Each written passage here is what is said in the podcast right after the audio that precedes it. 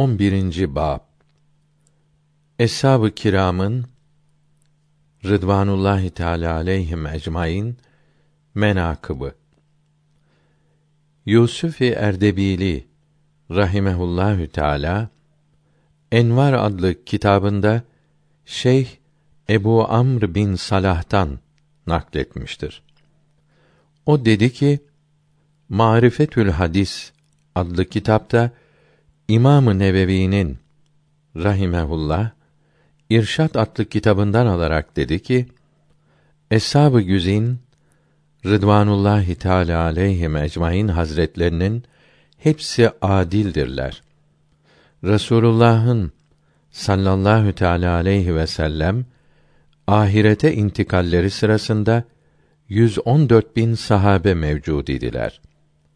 Kur'an-ı Azimüşşan ve sahih hadisi şeriflerde hepsinin adaletleri ve büyüklükleri bildirilmektedir.